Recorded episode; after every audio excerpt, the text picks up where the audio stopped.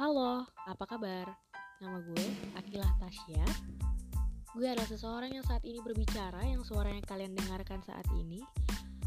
Um, di perkenalan pertama ini, gue pengen ngasih tahu tujuan gue membuat podcast. Tapi sebelumnya gue minta maaf dulu nih, kalau misalnya gue terdengar sedikit awkward, gue sedikit canggung, karena jujur gue grogi banget. Gue bakal membuat sebuah podcast kayak gini.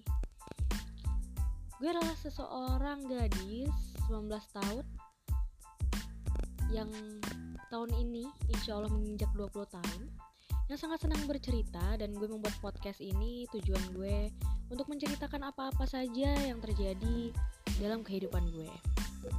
Semoga bermanfaat dan semoga kalian suka.